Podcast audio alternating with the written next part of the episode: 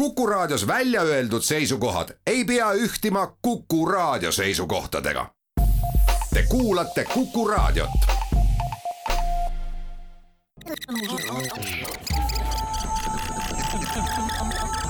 digi, digi, digi, digitund, digitund.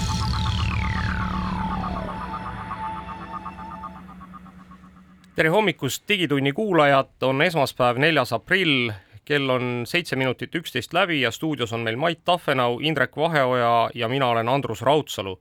me teeme kiire uudiste ülevaate ja peale selle liitub meiega Priit Rihk ettevõttest Treot Systems ja me hakkame rääkima droonidest. aga lähme siis kõigepealt äh, igapäevaste uudiste juurde, et äh, Mait, turvalisusuudised on meil olulised täna vist jaa, Apple'i kasutajad kindlasti peaksid siis minema oma seadmeid uuendama, tuli välja siis zero day update ehk siis uuendus, mille sa peaksid ära tegema samal päeval, kuna oht sinu seadme turvalisusele on väga suur. ja te peaksite vaatama, et, et see viisteist neli üks on see, mis teie iPadis ja iPhone'is peaks peal olema ja samamoodi vaadake üle arvuti oma. ja selle juures üks huvitav asi, et, et paljud inimesed on viimasel ajal liitunud Apple'i beeta programmiga, ehk siis see, kus sa saad natukene varem uuendused kätte ja riskid sellega, et võib-olla kõik nii hästi ei tööta ja täna hommikul huvitavalt avastasime, et nii minul kui Andrusel, kus olime beeta peale läinud, ei saanudki seda kõige uuemat äh, tarkvarauuendust kätte, et me pidime beeta programmist välja lülitama ennast, et saaksime ikkagi viimase turvauuenduse kätte. Ja, ja kindlasti panen siin ka kõigile südamele, et tehke need uuendused ära, sellepärast et, et tegu oli siis tõesti kahe väga kriitilise tarkvaraveaga, mis võimaldab ikkagi pahalastel teie, teie noh, ütleme seadmed täielikult üle võtta, nii et äh, võtke seda tõsiselt. positiivse külje pealt muidugi nii palju ka, et väidetavalt aku tühjenemise mingisugune viga pidi ka nagu lahenema sellega, et aku võiks kesta äkki kauem jah, see on niisugune väike boonus, et inimesed teeksid turvauuendusi. aga lähme siitkohalt veel turvateemadele edasi, et möödunud nädalal siis äh, äh, USA föderaalne kommunikatsioonikomisjon ehk see on siis Eesti mõistes meie TJA äh, kuulutas äh, Kaspersky tooted, Kaspersky on siis teatavasti üks suuremaid äh, arvuti turvatarkvara valmistajaid, kuulutas Kaspersky tooted ohuks rahvuslikule julgeolekule ja keelustas siis nende kasutamise kõikides USA sidevõrkudes, noh, ütleme, et see on, seal on üks selline nimekiri Ameerikas kus siis igasugused kahtlased ettevõtted on kirjas, selles nimekirjas muuhulgas on ka Huawei, ZTE ja noh, nüüd siis sattus sinna ka Kaspersky. Ja, ja noh, ega ütleme, et, et ega seal nagu väga palju üllatust selles ka ei ole, et, et kui me nüüd mõtleme, siis, siis tegelikult seesama Kaspersky Labsi asutaja Eugene Kaspersky on teatavasti lõpetanud vist Nõukogude all küll KGB sponsoreeritud tehnikumi nii et äh, ilmselt omab tänapäevani väga tihedaid sidemeid Vene julgeolekustruktuuridega. ja muuseas äh, on, on ka üks kahe, kahe tuhande seitsmeteistkümnendast aastast pärit süüdistus, kus siis äh, väidetavalt äh, kas Kaspersky antiviiruse tarkvara kasutati siis Ameerika NSA ehk siis National Security Agency või noh, see on see Ameerika kõige turvalisem agentuur, kes, kes kõiki nende andmeid valvab, selle tagant siis andmete varastamiseks, nii et äh, Äh, ma arvan, et need Eesti kasutajad, kes siis täna meil siin Kaspersky äh, tarkvara kasutavad, peavad ka oma äh, oma, oma siis ähm, arvuti tõsiselt üle vaatama ja mõtlema, et kas peaks mõne teise tarkvara peale minema. et noh, loomulikult Kaspersky ise teatas, et tegu on totaalse jamaga ja, ja noh, ütleme, et noh, kuna tegu on ju ikkagi Vene firmaga, et siis noh, järjekordne näide sellest, kuidas siis lään, lääne kogu maailm, eks ju, ründab neid. kogu läänemaailm üritab siis Vene firmasid maha tampida, aga aga tõsi ta on, et, et ega need antiviirustarkvarad ikkagi saavad süsteemi päris, päris sügavale sisse minna ja selle tõttu tasub väga selgelt vaadata, et kelle antiviirust te kasutate. Uudiseid ka siis deepfake'i kasutamises müügitöös ja nimelt on LinkedIni. Eh, nüüd tekkinud sellised robotmüügimehed, kui nii võib öelda, kes siis oma toodet promovad ja, ja tegu on siis deepfake'iga, on siin Stanfordi ülikooli uurijad leidnud ja tihtipeale on nende inimeste eh, profiilipilti siis või noh, profiili eh, nii-öelda kurjalt ära kasutatud ilma siis selle nõusolekuta ja müüvad siis mida iganes vaja on ja, ja kuidas siis asjale jälile saadi, et et ühele uurijale siis hüppas LinkedInis selline profiil ette, kes hakkas siis talle mingit tarkvara pakkuma ja hakkas natukene tähelepanelikumalt jälgima, et kuidas selle pildiga siis asjalood olid ja siis oli seal paar asja, et esiteks mingid juuksesalgud, mis olid välja lõigatud, vahepeal tekkisid juurde, kadusid ära, siis oli tal üks kõrvarõngas oli, teist kõrvarõngast ei olnud ja umbes sellised väikesed detailid veel ja, ja ja nagu siis äh, välja tuleb, on sellise mm, avatari hind kuskil kuni tuhat kolmsada Ameerika dollarit kuus ja tihtipeale ettevõtted ise ei teagi, et sellised äh, robotmüügimehed on tekitatud, need on mingite vahendajate kaudu siis. Ja, ja kusjuures see on päris tore, mulle just meeldib see, et, et ikkagi noh, et, et mitte lihtsalt ei võeta kuskilt kellegi pilti, vaid ikkagi sünteesitakse täiesti uus inimene ja noh, ütleme, et täna siis robotid veel nii nutikad ei ole või, või, või ütleme, need algoritmid, et saaksid aru, et tavaliselt inimesed kannavad kõrvarõngast mõlemas kõrvas. no eriti noh, vot me saame aru, et kui on selline mingi punktaustaga mees või nii edasi, aga kui on niisugune korrektses kontorikostüümis daam, eks ole, ilusti, siis talt, talt ei eelda, et ühes kõrvas on niisugune kaunis, kaunis kõrvarõngas ja teises ei ole midagi, eks ole, ja siis juuksesalgud tulevad ja tekivad juurde vahepeal. aga, aga noh, teiselt poolt muidugi, mida see näitab, näitab seda, et, et me oleme jõudnud siis sellesse ajajärku, et kus vanasti meid pommitasid noh, need äh, kuskil kõnekeskuses istuvad inimesed, kes helistasid ja üritasid müüa kõikvõimalikke asju, et et nüüd ikkagi noh, kõnekeskuse pidamine on ju teadupärast kallis ja inimene tahab palka ja, ja, ja noh, lõppkokkuvõttes tuleb seal maksta elektri ja kõikide muude asjade eest, et et noh, tõenäoliselt nende robotmüügimeestega tuleb elektri eest ikka maksta, aga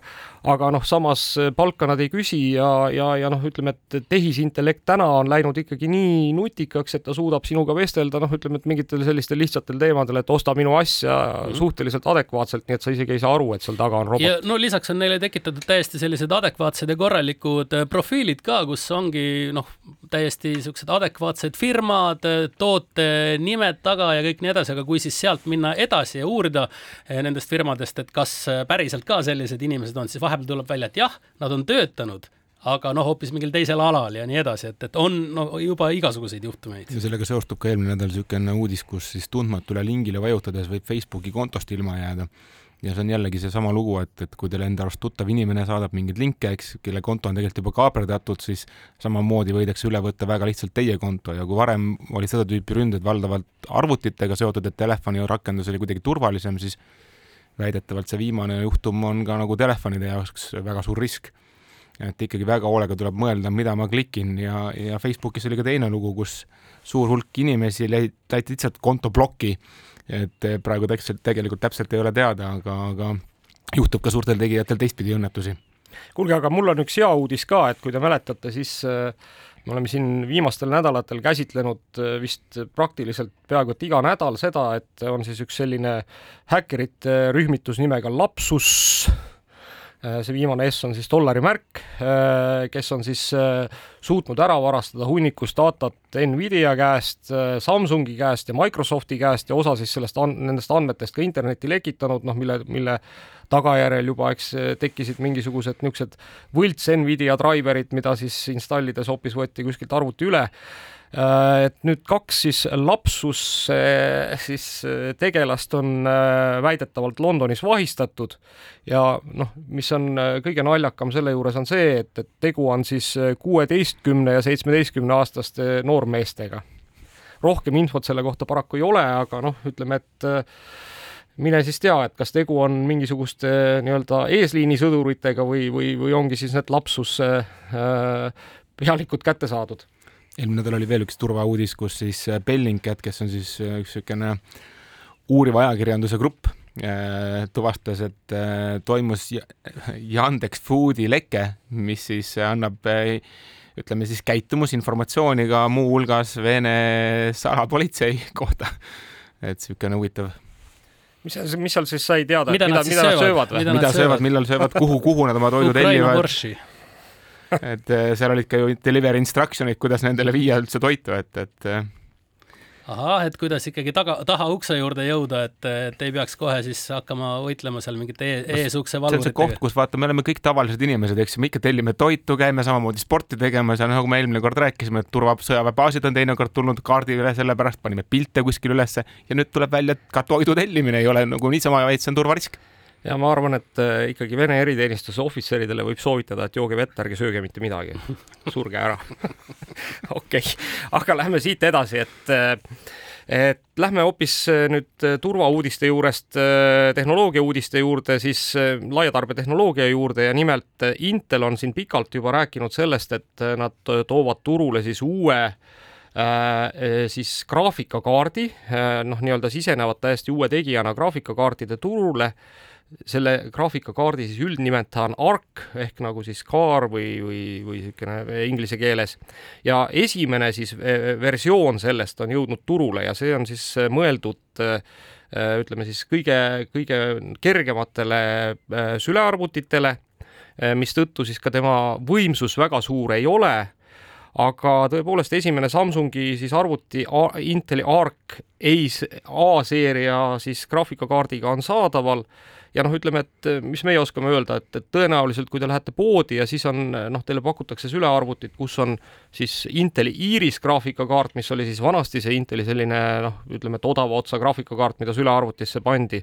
ja, ja, ja teisena pakutakse siis seda Arci, siis igatahes tasub valida Arc, sellepärast et see Arc on ikkagi umbes kaks korda võimsam kui, kui see senine Inteli integreeritud graafikakaart. aga tõsi ta on, et, et noh, ütleme, et, et see Arci vähemalt esimese seeria mudel Nvidiale ja AMD-le ikkagi kuskilt otsast mingisugust konkurentsi ei paku veel nii, kas äh, üks selline natukene naljakam uudis ka siia juurde, nimelt mis puudutab siis Mark Zuckerbergi ja talle on pandud äh, töötajate poolt väga huvitav hüüdnimi, et kes on siis Sõrmuste isandat äh, lugenud siis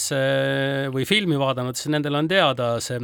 see referents ja teda siis kutsutakse firmasiseselt Sauroni silmaks, see oli see kuri ja kõikenägev silm, mis igalt poolt vaatas ja jälgis ja tuleb välja, et Mark Zuckerberg on ise ka selle hüüdnimega kursis ja ütleb, et talle see väga meeldib. mind huvitab, et huvitav, et kuidas Putinit seal Venemaa Julgeolekunõukogus kutsutakse umbes samamoodi, valge võlur äkki. ei tea, jah. okei okay., kuulge, aga, aga siit noh, naljauudistest võib-olla veel üks noh, ütleme uudis, mida vist paljud arvasid, et on tegu esimese aprilli uudisega, aga noh, tuleb vist ikkagi välja, et ei ole tegu esimese aprilli uudisega, nii et kuulus tolmuimeja tootja Dyson kes muuseas ju vahepeal siin paar aastat tagasi üritas ka autotootjaks saada mis, mis, mis siiski välja ei tulnud, siis on nüüd tulnud äh, turule täiesti uue tootega. Nad pakuvad nimelt õhku puhastavaid kõrvaklappe ehk siis äh, noh, toode on mõeldud kõigile neile, eks, et kes linna, kelle, kelle jaoks linnakeskkond on liialt risustatud nii müraga, sest mm -hmm. kõrvaklapid summutavad müra ja siis sellest kõrvaklappide noh, siis nende kõrva ähm, kuularite, juures. kuularite juurest jah, siis äh, saabub näo ette siis selline maskisarnane asi, mis äh, puhub siis äh, puhast õhku ninna ja suhu ja noh, ütleme, et näeb välja natuke nagu niisugune noh, kuskilt Mad Maxist välja tulnud tegelane, eks, et kui inimene selle endale pähe paneb. Kas sa oled selle ära tellinud endale juba? ei, vaata hinda ei ole, isegi Aha. hinda ei ole veel teada ja noh, ütleme, et, et siin noh, arvestades seda, et, et, et kuidas Dyson ikkagi oskab nagu noh, ütleme, et tolmuimeja eest, mis muidu maksab nagu sada eurot, küsida nagu viissada eurot, et siis, siis tõenäoliselt noh, ütleme, et kui Apple'i need AirPod Maxid maksavad vist ka umbes viissada või kuussada eurot, et siis noh, mõned äh, arvajad arvavad siis seda, et tõenäoliselt ikkagi Dysoni kõrvaklapid saavad olema kallimad. Aga siitkohast lähme nüüd väikesele reklaamipausile, et olla tagasi juba droonijuttudega.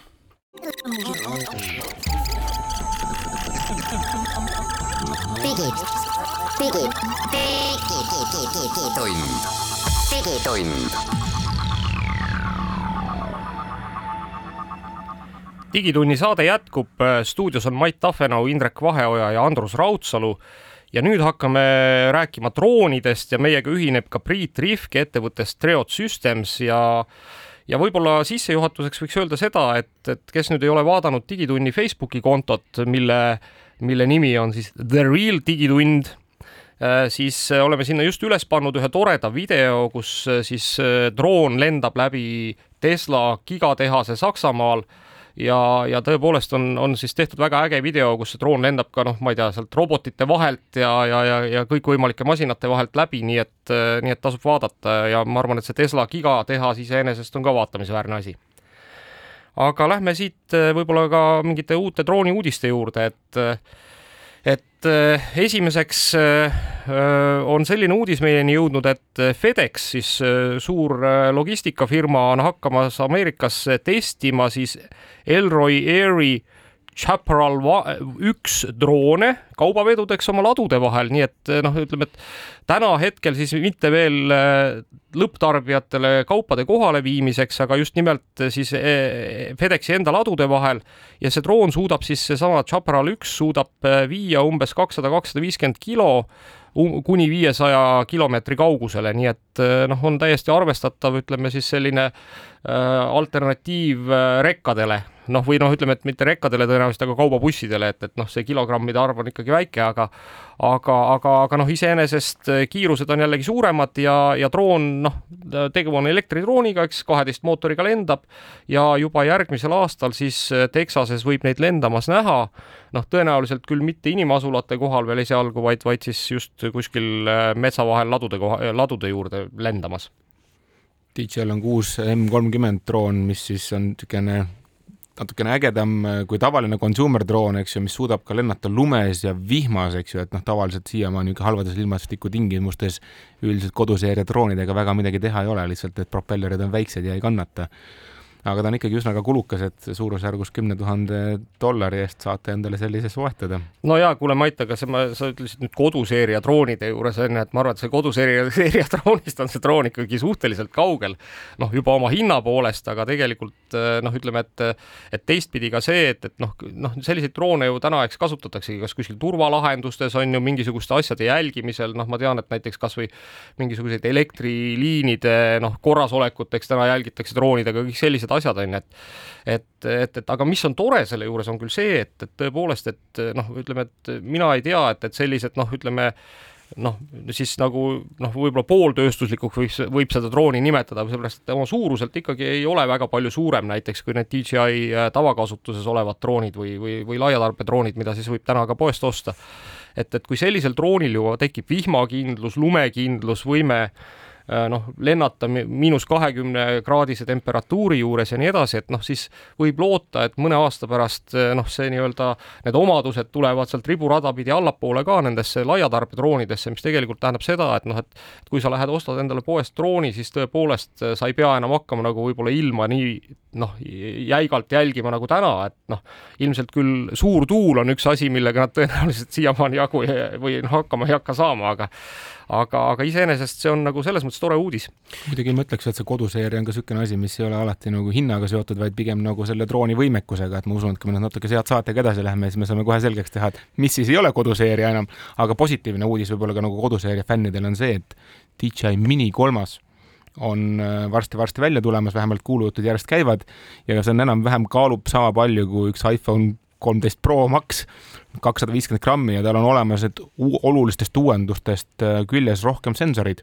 et mis siis kaitsevad teid selle eest, et kui te hooletult lendale, lendate, et te kuhugi otsa ei lendaks ja see on väga oluline, et minu arust tüüpiline probleem droonidega ongi selles, et me oleme kobad, natukene eksid selle kangikesega ja juba sa tagurdad otsa mõnele puuoksale, mõnele asjale, maandud halvasti ja kõike muud. Priit, aga me siin oleme nüüd paar asja juba välja toonud, et kaubavedu, siis ma ei tea, mingit jälgimiseks, milleks tsiviilotstarbest droone veel kasutatakse tänapäeval?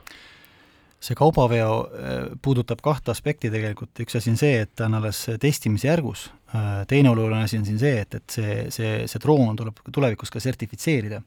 ehk siis praegu loomulikult võib seda seal testida Texases, aga kui ta lõpuks siia Euroopasse jõuab ja, ja me peaksime hakkama seda siin kasutama, näiteks Tallinnas ja Jüri vahet kaupa vedama, siis esiteks tuleb meie õhuruum totaalselt ümber mängida ja see, mis on praegu ka töös, ja, ja samamoodi tuleb see sertifitseerida ja see sertifitseerimise maht selle drooni eh, läbiviimiseks on päris eh, suur patakas nõudeid. et noh, ma loodan, et see ettevõte on piisavalt võimekas, et see lõpuks ära teha, et see on ka üks kulu muidugi ettevõtetele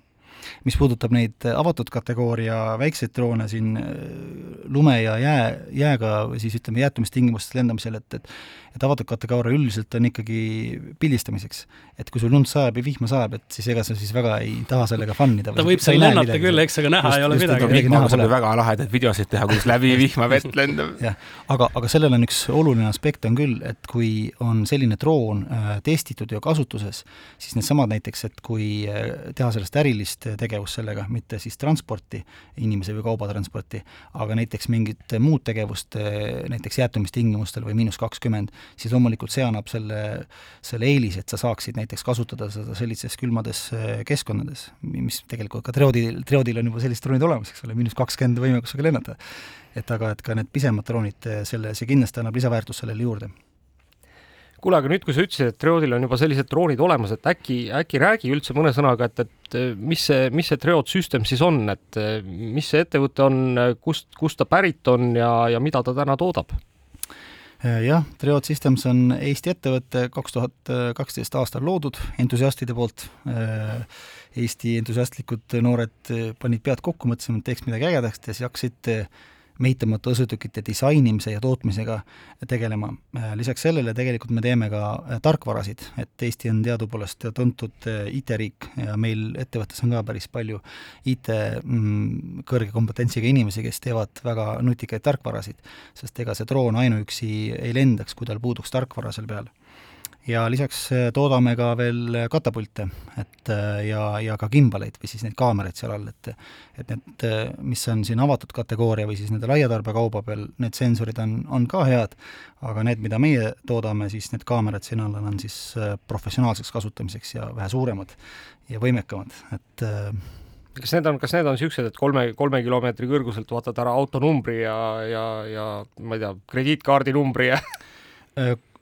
kahe-kolme kilomeetri kõrguselt äh, oleneb ilmastikuoludest loomulikult, äh, mida parem atmosfäär on, külmem, siis on võimalik näha väga palju. kas aitad korraks selgeks teha, et mis asi teeb droonist drooni ja millised droonid üldse olemas on, et tekiks niisugune tunnetus?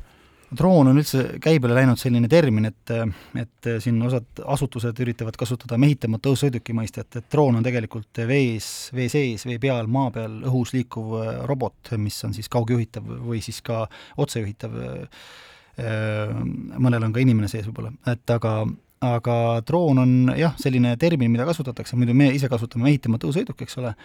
äh, siin on jaotatud nüüd siis kolme kategooriasse, see on see laia tarbekaup, eks ole, siis on äh, sellised äh, natuke võimekamad seadmed, mis lendavad kaugemale, kõrgemale, suurema riskiastmega nii-öelda, ja siis on äh, sellised mehitamata õhusõidukid või siis droonid, mis on lennuki suurused, kaaluvad tonne ja tonne, mis on kasutusel, et äh,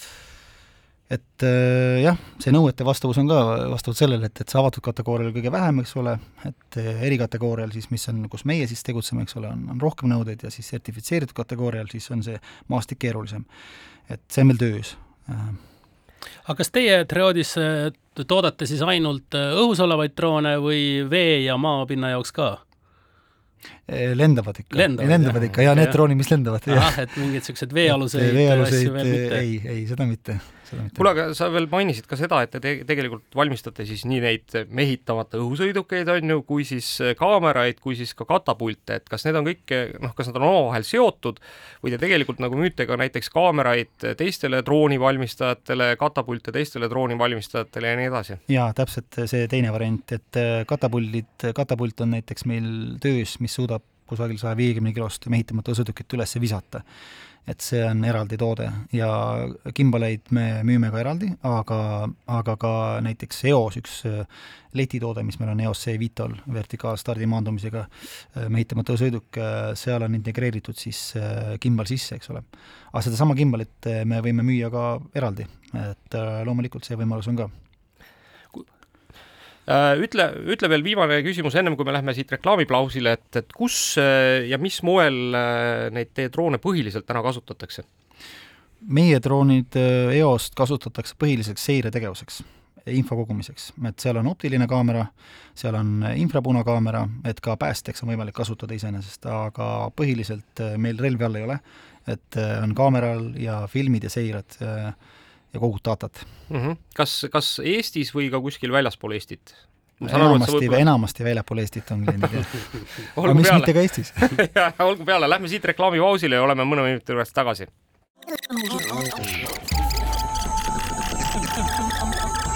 digid, digid, digitund, digitund jätkame Digitunni saatega, stuudios on Mait Tafenau, Indrek Vaheoja ja Andrus Raudsalu. Ja meil on külas Priit Rihk ettevõttest Treod Systems. Ja me rääkisime nüüd natuke Treodi toodetest, et ja jõudsime sinnani, et et, et sa väga kavalalt ütlesid, et teil on noh, ütleme, et siis igasuguses kasutuses neid tooteid, et ütle, kas teil Ukrainast täna ka mõned droonid lendavad või? enne sõda lendasid jah, et ma hetkel ei saa öelda, kas nad on praegu füüsiliselt seal või mitte, eks ole, et okei okay,, noh, no ma saan aru jah, et, et siis, kui me küsime midagi sellist, mille, mida sa öelda ei saa, siis ütlegi nii, et, et, et see on saladus, aga aga päris huvitav, et, et tegelikult mulle tundub, et noh, et ega see tänapäeva sõda, noh, kui nüüd jälgida ka seda, seda neetud sõda, mis seal Ukrainas toimub ja et, et ta on ikkagi muutunud noh, niisuguseks tehnoloogiliseks ja väga palju ka droonisõjaks, et et räägitakse ju sellest, et äh, et, et eh, on need kuulsad Bayraktar droonid, eks, mis, millest Ukrainas lausa rahvalaule vist luuakse juba, eks, mis, mis on siis venelaste suureks hirmuks. ja noh, viimasel ajal on räägitud ka hästi palju siis eh, Switchblade'i nimelistest droonidest, mida siis Ukrainale peaks tarnitama või juba on tarnitud eh, suuremas koguses, mis on siis sellised ühekordsed droonid, mis lendavad välja ja hävitavad midagi ära, et et äh, ütle, kas, äh, kui, äh, kui palju, kui suur on nagu Eesti võimekus näiteks sellist asja toota, sellepärast et me oleme rääkinud ka sellest, et et noh, et kui nagu peaks juhtuma see õudne stsenaarium, et, et meie idanaaber otsustab ka nagu noh, vaadata Ukrainast kuhugi mujale poole ja, ja, ja kedagi rünnata, et et noh, Ukraina on öelnud, et neil on vaja päevas umbes viissada Javelini, me teame, et Javelini hind on noh, kuskil seal üle saja tuhande, eks, selle terve komplekti äh, nii-öelda hind, et et, et kas on võimalik, et, et näiteks ka kodumaal hakata tootma selliseid noh, kuidas ma ütlen siis, lihtsaid äh, tapjadroone Eesti sõjaväe tarbeks? jaa, absoluutselt, on küll. Äh, kui on tellimus, soov, ettepanek ja selleks on ressursid, siis täiesti vabalt on võimalik Eestis toota ka piisavas koguses vastavaid seadmeid et äh, aga see ikka eeldab mingisugust komponentide ladu, eks ju, et sul ta päris... eeldab ja selles mõttes, et on võimalik ka ette tarnida näiteks, kui on juba sellised äh, kokkulepped, äh, kes soovib tellida varajas staadiumis, siis on võimalik see ette varustada või siis disainida need seadmed selliselt, et seesama ühe otsa pilet, eks ole, et selliselt, et kus need komponendid, mis oleksid, et ei jääks näiteks selle tarneraskuste taha. Et aga klassikalised, mis meil on, loomulikult praegu terves maailmas on tarneprobleemid erinevatel komponentidel, et see ei puuduta mitte ainult droonitööstust, vaid kogu tööstust, autotööstust ja muud maailmas ka, eks ole. et aga, aga ma arvan, et äh, maailm selles mõttes veel lukus ei ole. Et äh, kui, kui sellised tellimused peaks olema, siis eks seal on planeerimist loomulikult ja, ja mingid delay'd võivad olla, aga, aga ma arvan, et see on võimalik no me rääkisime siin vaatlusdroonidest, eks ole, ja relvadega droonidest, aga militaarias, milliseid droone veel kasutatakse? militaarias noh, ega sama nagu hävituslennukid, kus on lihtsalt relvad all. Et, et, et siis on jah, seiredroonid, hävitusotstarbelised droonid ja siis on ka need, mis näitavad äh, siht, äh, sihtmärke, ka sellised droonid on ja kasutatakse ka avaksiks või siis äh, side loomiseks ka mehitamata õhusõidukeid, suuremaid siis sel juhul ja seal on siis erinevad kombinatsioonid ka, eks ju veel, mis hakkavad mängima, ma lugesin selle kohta ka, et needsamad Elon Musk'i saadetud internetiseadmed koostöös äh, Bayraktaridega on ka tööle pandud ja, ja töötavad ka väga ilusasti. et noh, seal tulevad igast kombod ka, eks ju, mängu veel. jaa, absoluutselt. et noh, see, see ongi see, et inimelu on, et mida ei ole seal lennuki peal, eks ole, et need riskid on madalamad ja, ja ikkagi hävituslennuk on endiselt veel kallim kui, kui selline Türgi poolt toodetud äh, mehitamata või see droon, eks ole, et äh, et ta on odavam selles mõttes küll ja nende tootmine samamoodi, sest et selle konventsionaalse lennunduse kompetentsi väljakoolitamine juba on hästi kallis lõbu, eks ole, et et selles mõttes, et droonid teevad oma töö äh, selles sektoris ka jah, jõudsalt kuule, aga, aga kui sa ütlesid just, et ma võtan sul sõba, sõnasabast siin korra kinni, et, et sa ütlesid, et selle lenduri väljakoolitamine on kole kallis töö, et et kas selle drooni lenduri koolitamine on odavam, kas, kas et noh, ütleme, et kui me nüüd võtame mingi keerukama drooni, eks, et ja noh, nii-öelda ka suurema, eks, kus tõenäoliselt ei ole kõiki neid DJI poolt välja töötatud süsteeme, et ei saa vastu puuoksa lennata või vastu vaenlase tanki või mida muud, on ju, et et, et kas, kas selle droonioperaatori koolitamine on, on odavam või, või tegelikult ta ikkagi oma keerukuselt läheneb sellele lenduri koolitusele? Need sel juhul on NATO klassifikatsiooni järgi kolmas kategooria mehitamata sõiduk ja ta peaks olema ikkagi nagu piloodilitsents, aga mitte päris sama kallis kui F-16 piloodi koolitamine, sest F-16 üleslaskmine juba on, on kallis. et seda on võimalik simuleerida ja, ja nendes kambrites on odavam kindlasti. aga väiksemad droonid on palju odavam, see koolitus, et praegu näiteks äh, militaaris ja tsiviilis ka, noh, tsiviilis ei ole isegi neid, sertifitseeritud kategooriale piloodinõuded veel välja töötatud, et tõenäoliselt rakendatakse CPL-i, VTPL-i kur-, seda nõudeid, eks ole. Et aga militaaris on jah, ta on ikka selles mõttes on odavam, et, et kuna droonid on enamasti täisautonoomsed ja seal ei ole vaja sul seda pilooti koolitada teatud manöövreid, teatud oskusi läbi viima, eks ole, et, et sul need droonid on üldiselt nagu autonoomsed või siis poolautonoomsed, et see lihtsustab seda, seda väljaõppeprogrammi ka kuidas see droon üldse nagu koosneb, et, et kas see nagu, ma ei tea, kui palju moodustab drooni hinnast see elektroonika ja tehnika versus see tarkvara, et, et kui see tehnoloogia ise tervikuna maksab, et tegelikult ega need MQ-d, mis äh, Ameerikas toodetakse, ei ole just kõige odavamad, kõige odavamad, et äh, aga, aga selle, selle hinna moodustab jah, tarkvara, sest tarkvaraarendus on üks oluline asi selle juures, ka see tehnoloogia, äh, kuidas seda toota, eks ole, ja, ja kogu see raha, mis on pandud selle arendamise peale, sest et see tasuvus lõpuks, et ära tasuks, ehk siis kui on mingi hulk seda õhusõidukit müüdud ka suurtootjate poolt, siis tõenäoliselt see hind peaks nagu just, just nagu langema. aga ega need avalikult väljas ei ole, kõikide nende droonide hinnad, et Türgi on selles mõttes Türgis ma olin kunagi vahetusüliõpilane, seal on täiesti oma tööstus, nad on isegi teinud litsents, litsentsi alusel F-kuusteist hävitajad, et nendel on tegelikult lennundustööstuse mõttes väga tugev riik. noh, teine seal kõrval on Iisrael tegelikult, maailma juhtiv riik endiselt on ikkagi Ameerika Ühendriigid, kes siis kõige raskemaid ja suuremaid mehitamata õhusõidukeid teeb. Et ja siis teised riigid tulevad järgi oma prototüüpidega. kusjuures ma vaatasin just kiire guugeldamine et palju siis Bayraktar maksab, et väidet Google'i andmetel vähemalt üks kuni kaks miljonit, noh, mis on ikkagi ühe noh, hävituslennuki hinnast ikkagi nagu noh, ma ei kujuta ette, kui palju väiksem, eks, et ja. et eh, vist umbes paarsada korda väiksem. jah, täpselt. kumb üldse maailmas rohkem on, kas ründe- või luuredroone või kus see fookus põhiliselt on? Seda on raske öelda, sest kõiki data ei ole kättesaadav, aga ma kindlasti julgeks väita, et pigem on luuredroonid, sest sealt militaar, mehitamata lennundus tegelikult on saanud selle hoo sisse just militaarisse, tehnoloogia arendus on tulnud meil militaarist ja nüüd ta hakkab jõudma ka tsiviili. et nemad on aastakümneid tegelikult juba kasutanud. et tsiviilis on nüüd lihtsalt see tulemas sisse nagu laiatarbekaubaks ka et aga, aga jah, et seda on raske öelda, kui palju, mis see osakaal on et ka, millel raketid on, aga need paljud on konverteeritavad, ka MQ9 näiteks on võimalik teha ümber äh, selliseks, mis äh, laseb õhk-maa äh, rakette ja siis ja samal ajal on tal ka väga head sensorid ja kaamerad peal, et lendab kõrgel kaua ja, ja näeb infot siis, kui pilves on ilm või, või mida kosmosest ei suudeta vaadata, siis aitavad mõned droonid ära teha selgita korra näiteks droonide liike ka, et äh, minu arust on päris suur erinevus, et on olemas niisugused lennukitüüpi droonid, eks ju, kes ikkagi lendab ainult straight forward ja ettevaatlikult keerab, siis on meil mingid kopterid, eks ju, mis nende jaa, äh, kui nüüd raskemast väiksemasse hakata tulema, siis äh, kõige raskemad, suuremad on lennuki sarnased pika tiivaulatusega, et ka delta tiibid ehitatakse, X-47 näiteks USA-s, mis peaks Carrieri peale maanduma. ja siis äh, sellest allapoole tulles on kopterid, ongi nagu kopterid, helikopterid. siis on ka tiltrootori laadseid, äh, sellised, et kus on siis nagu mootor vertikaalselt viib üles, horisontaallennul siis lükkab selle ette, et ta veaks edasi ja, ja veel väiksemaks tulles siis on integreeritud sellised nagu näiteks Triodil meil on, on lennuk, mis on siis äh, vertikaalstardi maandumisega. aga on ka delta tiib, võit tiib, äh, mis on siis ka tehtud selliseks vertikaalstardiga maandumisega äh, ja on ka multirootorid, mis on hästi teada-tuntud, eks ole, sellised keerukamad, selle lauasuuruseid multirootoreid, väiksemaid multirootoreid, aga, aga eelistatud on jah, et see ka meie, meie kategoorias siis mehitamata sõidukid sellised, mis maanduksid nagu kopterid ja stardiks nagu kopterid, mitte langevarjuga, et see nüüd nagu juba, juba nagu ajalugu, eks ole, et, et kes seal sul viitsib mm, -hmm. tahab jamada sul langevarjuga pealegi, sa võid ju murda seal detaili ära, kui ta sul varjuga maandub, et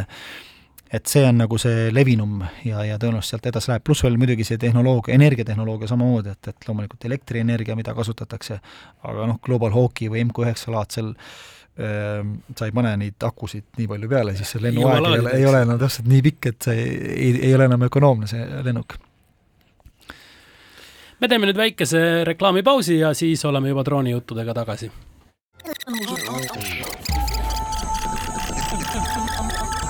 digitund, digitund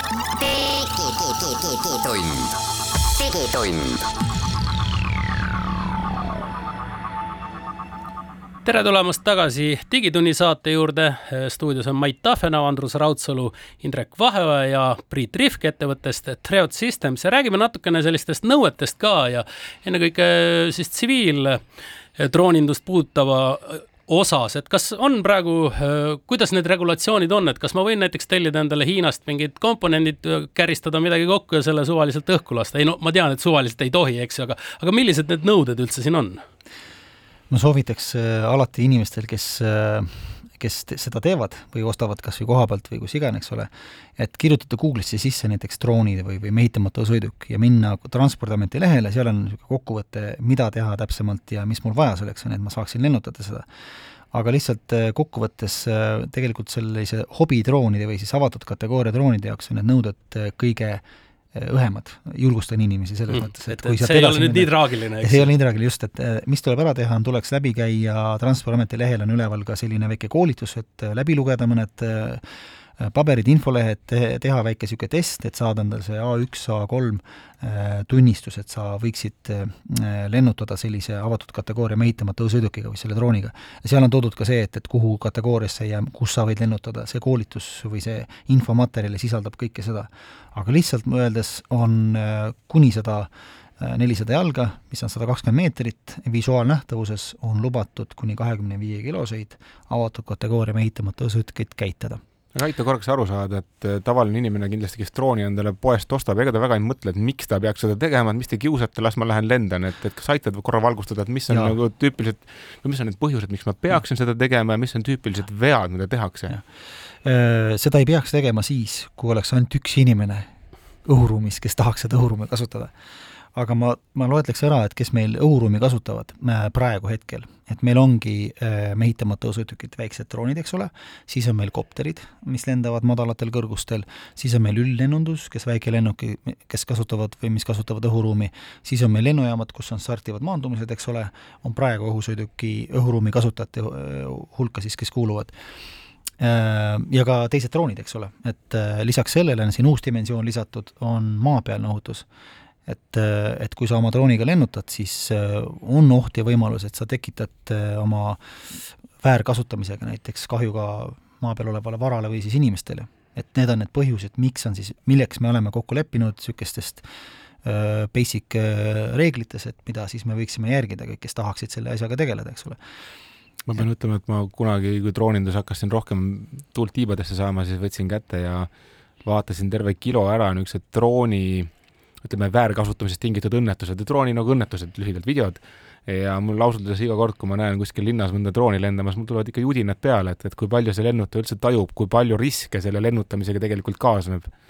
jah, paraku, paraku ei pruugi tajuda, enamus ei, ei taju, et, et insenerid, kes on neid välja töötanud, ütlevad, et ükski tehnoloogiline seade ei ole sada protsenti kindel, eks ole. ja noh, lennunduses on tavaliselt õnnetusteni viivad selline juustuteooria, eks ole, et, et üks eksimus, teine eksimus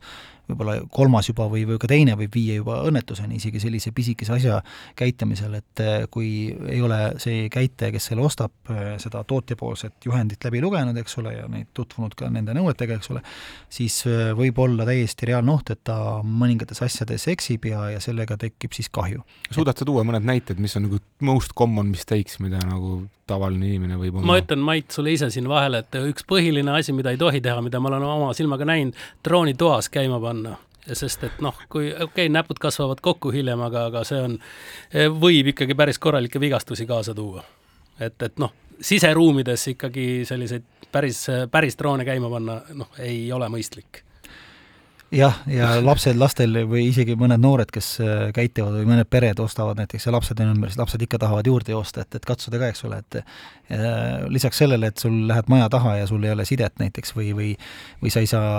sa ei näe enam seda mehitamat, seda drooni, et, et mis ta teeb, kuhu ta läheb, eks ole, et kuni sinnamaani välja, et noh, praegu nõuetes ongi see, et, et et seesama avatud kategoorial, et kui, kui ma näen näiteks kuskilt teist lennukit tulemas, eks ole, et siis äh, sina põhimõtteliselt kutsud oma drooni tagasi aga kui sa seda ei tee, et, et ta ei, ei tekiks seal seda kokkupõrkeohtu,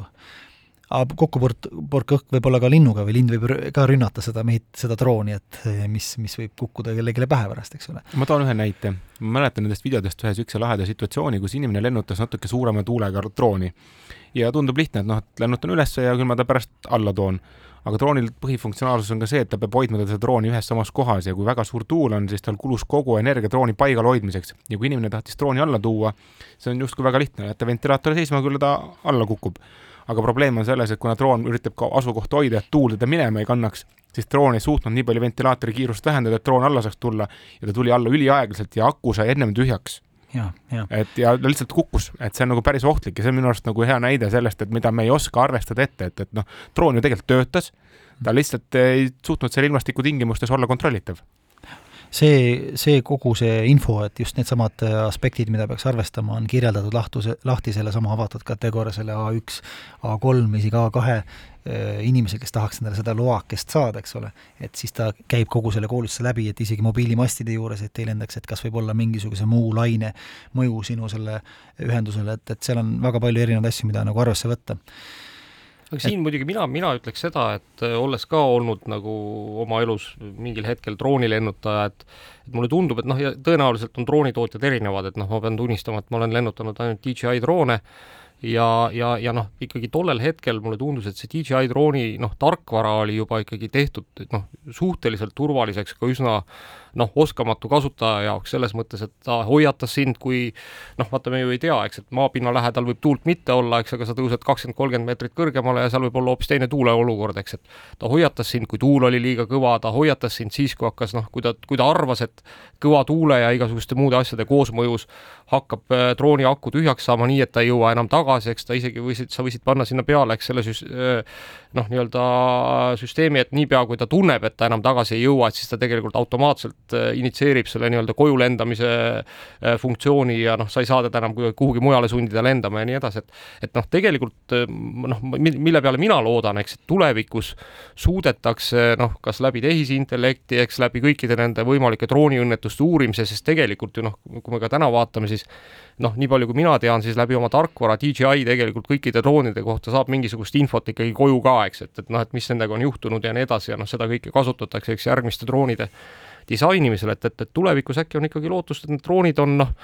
mõnes mõttes nagu lihtsalt lennutatavad ja noh, et kui kõik need turva elemendid on juba sinna sisse tarkvaraliselt ehitatud. ja äh, DJI on üks äh, suur ettevõte, kes teeb tihedalt koostööd Euroopa Lennundusohutusametiga ja ka Föderaalse Ameerika Lennuametiga et äh, seesama piiruse, kiiruse või kõrguse piirang näiteks, et sa ei saagi kõrgemale lennata ja, ja muud lennu, lennuväljade alad, et kuhu ei saa sisse lennata, et äh, tavakasutaja äh, jaoks, kes ei häki seda pärast lahti sealt, eks ole. et need jah, need tootjad teevad koostööd, et, et neid muuta ja ette näha neid ohtusid kõike ka, aga Mina see ei välista ikkagi. juurde niisuguse asja, et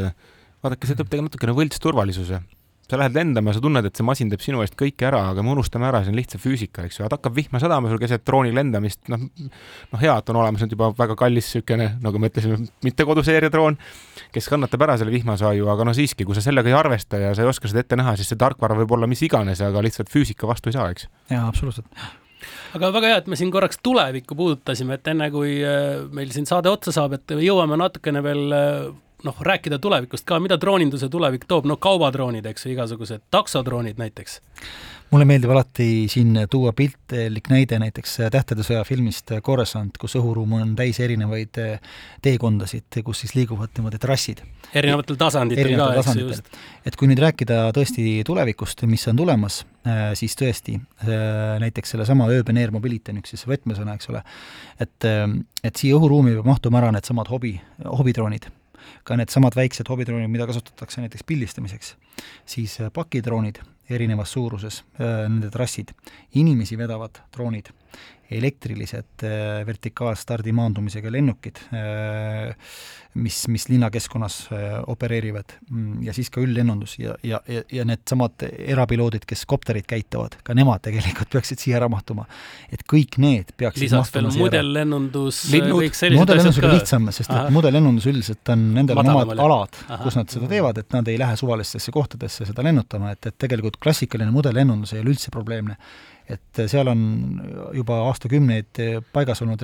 nõuded, mida nad järgivad väga ja see on selles mõttes nagu lihtsam. Need ei teki ka nii tühja koha peale, eks ju, et nüüd äkki ostetakse ja nüüd meil on siin kakskümmend, kolmkümmend lennukit ja hakkame neid lennutama, nii nagu droonidega on. minu arust no, et me teeme nii palju regulatsioone, aga meil on loodus ka veel õhus veel, kes takistab jaa, ei, siin on, siin on väga palju, palju tööd on veel ees, et see ellu viia, aga maailm liigub selles suunas. Et äh, EASA just publitseeris alles mõned päevad tagasi välja äh, vertiportide sellise et-, äh, sellise proposal'i või siis ettepaneku, mismoodi neid peaks ehitama, et sealt siis stardiksidki põhimõtteliselt need volokopterid ja elektrilised õhusõidukid samamoodi, mitte ainult mehitamata, aga mehitatud. Et see on samm lähemale sellele, aga see eeldab väga suurt koostööd linnavõimude, ametite vahel ja ka lennuliiklusteenuse osutajate vahel, et et aga, aga see on see tulevik, kuhu me liigume. kas meie Tallinna asukoht on eh, hea selliseks eh, tuleviku drooniliikluseks? no siin on meri lähedal ja erinevad tuuleolud ja lennujaam. lennujaam ja korralik ja ma arvan, et kõik väiksemad linnad on head demo äh, Äh, või, või katse- või testlennude läbiviimise asukohad, äh, ka Tartu näiteks, eks ole, on veel väiksem mm, -hmm. lennujaam on seal ka suht lähedal. Tallinn on selles mõttes äh, võib-olla keeruline, et, et, et mitte Tallinna lennuliiklust kinni panna, siis peaks läbi analüüsima tõesti, et mismoodi need trassid oleks võimalik siin, siin, siin korraldada. aga ma, ma arvaks, et võimalik võiks olla küll Tallinnat näiteks selleks projektiks kaasata Nende ilusate sõnadega lõpetame tänase Digitunni saate. Priit Rihk Treot Systemist oli meil külas, suur aitäh, et tulid, meid valgustasid drooninduse maailmas ja teiega, head Digitunni kuulajad, kohtume juba nädala aja pärast.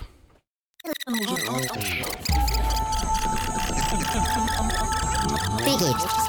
digid, digitund, digitund